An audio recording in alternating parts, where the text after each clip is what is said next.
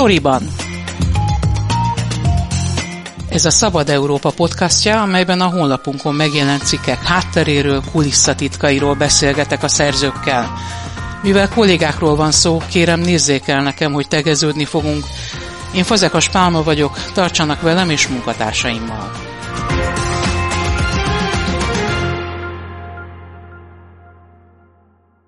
Kerényi Györgyel beszélgetek, aki a Gyűlöletvonatról nincs kiszállás címmel írt cikket, tehát tulajdonképpen a Fidesz választási stratégiájáról, módszeréről, illetve egy kicsit arról, nem is kicsit, hogy milyen hatással van ez a társadalomra. Két napja jelent meg a cikk, most augusztus 4-e van, augusztus 2-án került ki az oldalra, és már is vezető helyen szerepel az olvasottságban. Szerinted ennek mi lehet az oka? Azon kívül természetesen, hogy remek a cikk és jó a címe. Fú, megijedtem, hogy ez lemarad. Hát szerintem a cím meg az a jól megválasztott Finkelstein idézet a lead első mondatában biztos, hogy sokat számít. Elmondtad az egyik kulcsnevet ebben a történetben Arthur Finkelsteinét, ugye, aki egy amerikai matematikus és statisztikus, de igazából a politika mellé sodródott, sikeres kampányokat csinált, a sikeres kampányok mestere. Nem csak Magyarországon, hanem egy csomó környező országban, a térségben is tevékenykedett. Mi az ő filozófiájának a lényege? Miben tudnák ezt összefoglalni, vagy hogyan csapódik le ez például a Fidesz kétszer-kétharmados győzelmében? Azt hiszem, hogy azon túl, amit ez a cikk is kiragad, és amit az átlag ember jobban ismer, hogy ezt a emberek, embercsoportok elleni negatív kampányt tudta ő nagyon kimaxolni, amennyire a vele kapcsolatos visszaemlékezéseket, például a társának, a Birnbaumnak a visszaemlékezéseit olvasva, én úgy látom, az ő igazi erőssége ez a targetálás volt. Tehát még a Cambridge Analytica, meg ezek a profi, gyakorlatilag személyre szabott hirdetések előtt az adatokból, a statisztikákból dolgozott, hogy mely embercsoportokat, a választók mely csoportjait milyen üzenetekkel lehet a legjobban megfogni, és ez ebbe volt ő nagymágos, ami nem olyan látványos, de akik egy kampányt visznek, meg ahhoz értenek, azok úgy tudom, hogy ebben látták ők a nagyságát. De az, ami, ami a nevéhez kötődött, az az, hogy, hogy egy melegházasságban élő zsidó férfi sikeres homofób és antiszemita kampányokat vitt szerte a világban. 2008-ban ismertették össze a fidesz és onnantól kezdve dolgozott nekik. Egészen a haláláig, 2017-ig. Hogy Habony Árpád és Finkelstein csináltak egy közös céget Londonban, az azóta is működik. Így van, és több környező országbeli politikus is megkereste őt a választási kampányához tanácsadóként, segítséget, tanácsot kért tőle. Beszéljünk egy picit arról, hogy milyen módszereket vett át, vagy milyen módszerekben tetten érhető például a Fidesz kampányolása során az ő szellemisége, módszere. Ugye ő volt az, aki elkezdett adatokat gyűjteni a választókról. Igazából a, a listákat a Stromwerber a Szociknak volt a 2002-es nagyon sikeres kampányvezetője. Tehát ő kezdte ezt el. Abban különbözik, hogy hogy ugye ott az a fontos, hogy, hogy minél nagyobb adatbázisod legyen, ez egyébként minden párt azóta ezerrel gyűjti, hogy valamilyen módon kerülj kapcsolatba választókkal, ezért rengeteg módon a négy év alatt próbálnak kitelepülni, küldeni valamit, stb. ad meg a címed, és akkor onnantól már téged tudnak motiválni, tehát hogy, hogy eljuttassanak választásra, hogyha szükséges. A Kubatov lista abba különbözött ebből, legalábbis ahogy a kiugrott pécsi emberüktől tudjuk, hogy ők nem csak a szimpatizánsokat listázták, hanem a ellenségeket is. Tehát ott egy lakókörzetben, ahogy Kubatov maga mondta, tehát Pécsen konkrétan meg tudja mondani, hogy a harmadik emelet kettőben szimpatizáns, az egyben meg ö, ellenséges. Ez egy nagyon más dolog, de igazából ezt a profi adatgyűjtést azt 2002-ben a szocik kezdték, és akkor a Fidesz a fejéhez kapott. És például a polgári körök létrehozásának az, az is egy fontos motivációja volt azért. Azon túl is, hogy nagyon fontos, hogy, hogy, hogy teremtett egy, egy, egy ilyen támogató társadalmi közeget egy párt köré, hiszen Magyarországon azért a pártoknak már arra kicsi a létszáma, összehasonlítva mondjuk a brit nagy pártokkal, ahol több tízezeres, százezeres tagság is van. Tehát ezt szoktuk mondani, hogy a polgári körök, de a polgári körök az egyben egy folyamatos adatgyűjtés, kapcsolattartás is lehetett, hiszen azok rengeteg témában keresték meg. Hát anyám, aki négy éve halt meg, még mindig kapja és látom a postaládájában a polgári Magyarországtól az a leveleket, meg ilyesmiket, hogy ide adj egy kis pénzt, ez lesz. Tehát, hogy ez egy, ez egy jó módszer arra. De ezt minden pár csinálja. És még egy fontos dolog, hogy amit a cikkbe is leírtam, és, és ez nagyon fontos, hogy mindenki lássa, hogy a politika alapeleme az, hogy megkülönböztetjük a mit, a mit és az őket. Különben nincs verseny, különben nem lehetne. Azt kell mondanom, hogy azért szavaz rám, mert mi ilyenek vagyunk, mert mi azt képviseljük, mert mi titeket képviselünk, ők meg nem. Ez az egyik része. Tehát ez, ez egy természetes dolog. A másik az, hogy a negatív kampány is egy ezer éves velejárója a politikának. Ami nagyon más, és ami nagyon veszélyes, az az, hogy amikor ez a negatív kampány nem egy-egy politikusra irányul, Kövér László köteles beszéde, vagy nem tudom melyik baloldali vezetőnek a, a életformája, a hazugságai, a gyurcsánya, nem tudom, elkobzott zsidó villába lakik, stb. Ezek természetes részei. De az, hogy a társadalomnak, ugyanannak a politikai közösségnek az egyik csoportját kipécézzük, és őt tesszük ellenségén, az nagyon más, és az egy nagyon veszélyes dolog. Hát ez már tovább lép a sorosozáson tulajdonképpen, és ennek az egyik ilyen eklatáns példája volt a gyöngyöspatai történet, amiről mindenképpen beszélnünk kell. Ami aztán végül is még még nincs befejezve, hogy, hogy így fogalmazzak. Ugye volt egy ítélet, a szegregáció miatt kártérítést ítéltek meg a gyöngyöspatai romáknak, és a miniszterelnök és a kormány több tagja is nagy nyilvánosság előtt ezt a bírósági ítéletet bírálta, kétségbe mondta ennek a helyességét. Sőt, nem is fizették ki sokáig azt a 100 millió forintot, ami egyébként több tucat, vagy rengeteg gyereket érintett volna, tehát nem egy ember kapott volna ennyi mi volt az, ami, ami választó vonalnak tekinthető ebben a történetben a Fidesz kampánya szempontjából?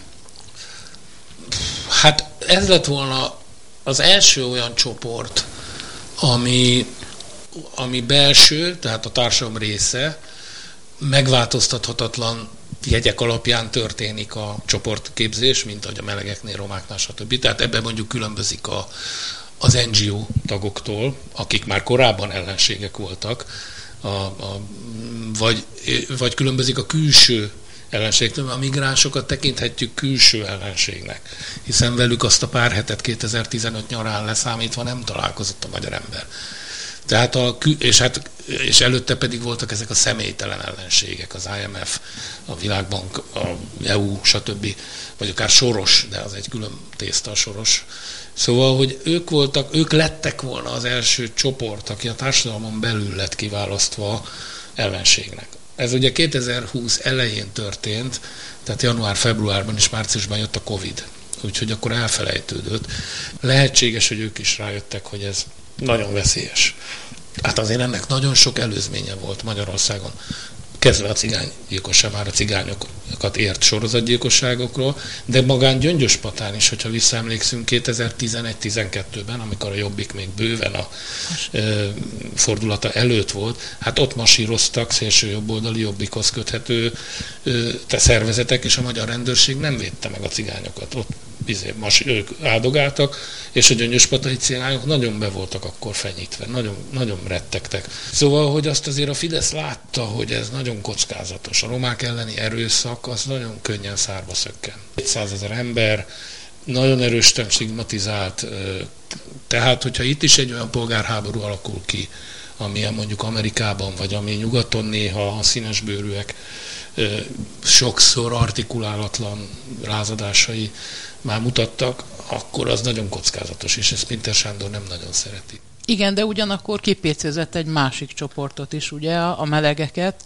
és amint megszavazták a Fidesz narratívája szerint gyermekvédelmi, egyébként meg a bírálók szerint egy homofób törvénycsomag bevitelével ezt a pedofil ellenes törvényt, azonnal történtek melegek elleni támadások. Tehát ez ugyanolyan veszélyes eszkalációhoz vezethet, mint a romák elleni. Abszolút, abszolút. Hát az a különbség, mondom, tehát azért is veszélyes a roma, mert rajtuk látni. Tehát azért a melegeken nem látod, persze, hát hogyha csókolózik egy, egy nemű pár az utcán, akkor az erősen gyanítható, de a romákon mindenképp látni. Tehát ez egy nagyon kockázatos, ott bármikor, bárhol kitörhet. A melegek ellen volt már kettő, nincs jel arra, hogy az állam ne védené meg őket. Tehát nincs jel, hogy az a párnál, akiknek az ajtaját feszegették, a rendőrség ne nyomozna, de ezt érdemes majd megnézni egy kis idő múlva. Egy tavasszal választások lesznek Magyarországon. Tovább viszi ezt a gyűlöletkeltő kampányt a Fidesz és ezt a végtelenül leegyszerűsített kommunikációt, amit most például ugye megjelenik a ha még valamilyen módon az EU most sarkára áll, és egy kicsit, kicsit nem is tudom, megtorpantja őket, szerintem befele, akkor sem fognak ezen módosítani. Tehát azért minél közelebb vannak a választásokhoz, annál nehezebb lecserélni a vezető topikot. És a migráns topik azért azt szemmel láthatóan egy kicsit kifulladt már. Tehát bár 18-ban is azt hittük, hogy kifullad. Még egy dolog azért, azért annak dacára, hogy ez egy nagyon fontos, a saját tábort össze lehet kovácsolni azzal, hogy megint a a ballibek azok, akik a másik oldalon állnak. Másrészt, mivel a homofóbia többé-kevésbé azért ott van a társadalomban rengeteg emberben, ezért az, azon a peremvidéken lévő 5-600 ezer választót, akit meg kell fognia a Fidesznek, hogy nyerjen, az ő esetükben ez egy jó jó hívó szó, mert ez bennük is rezonál. Nem akar mindenki meleget verni, természetesen, szála Istennek.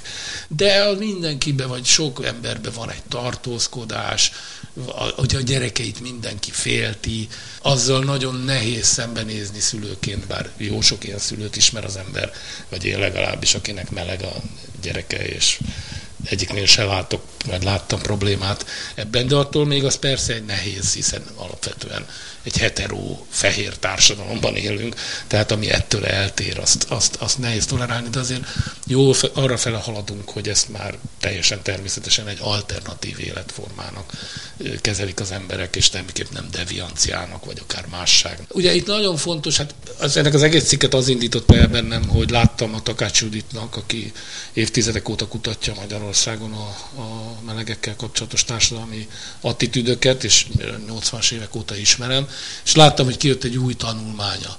És akkor arra gondoltam, hogy mi lenne, hogyha most nem a szokásos ahogy mi újságírók sokszor csináljuk, ha valamit fontosnak tartunk, hogy ismertetjük egy fontos tanulmányt, hanem egy kicsit tágabb perspektívába tenném, hogy mivel ez most már így longitudinálisan, tehát időben is mérhető valamennyire, hiszen 10-12 éve nemzeti együttműködés rendszerében élünk. Nézzük meg, hogy ezek a kampányok hogyan hatottak a mélyebb társadalmi tudati folyamatokra, és akkor így része lett a, a, Judit, a Judit tanulmánya is, és ő is írja ebben a tanulmányában, hogy nagyon fontos, hogy hogy, hogy kérdezünk. Tehát itt a, már minden kutatásban iszonyú fontos a módszertan.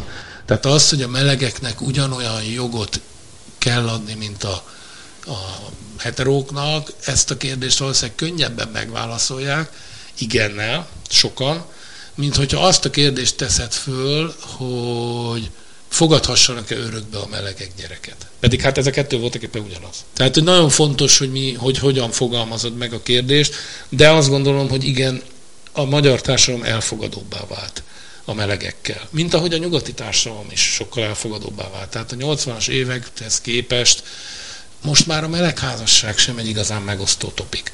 Ezek a új populista széljobber csoportok próbálják visszahozni, egyébként nem is teljesen sikertelen Amerikában is. Azért ne felejtsük el, hogy a, ahogy olvastam, már kilenc államban fogadtak el ilyen meleg propaganda ellenes törvényt Amerikában. Az is egy érdekes tudás volt, amit a Judit Takácsütő hallottam, hogy például 2009 óta Litvániában van egy ilyen törvény.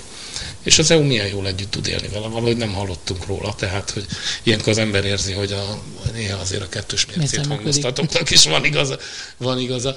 De a, a lényeg az az, hogy és ezek, ezek a kis árnyalások nem szabad, hogy elvegyék a fókuszt tőlünk. Tehát azért mégiscsak arról van szó, hogy embereknek egy csoportját ellenségként, veszélyesként, ráadásul a legnagyobb kincsünk, a gyerekünkre veszélyesként a beállítani, az egy baromi veszélyes politikai húzás. És független attól, hogy kettős mérce, meg máshol is van, meg minden. Ez olyan mérgezően hat a társadalom szövetére, amit szerintem nem lenne szabad megengedni.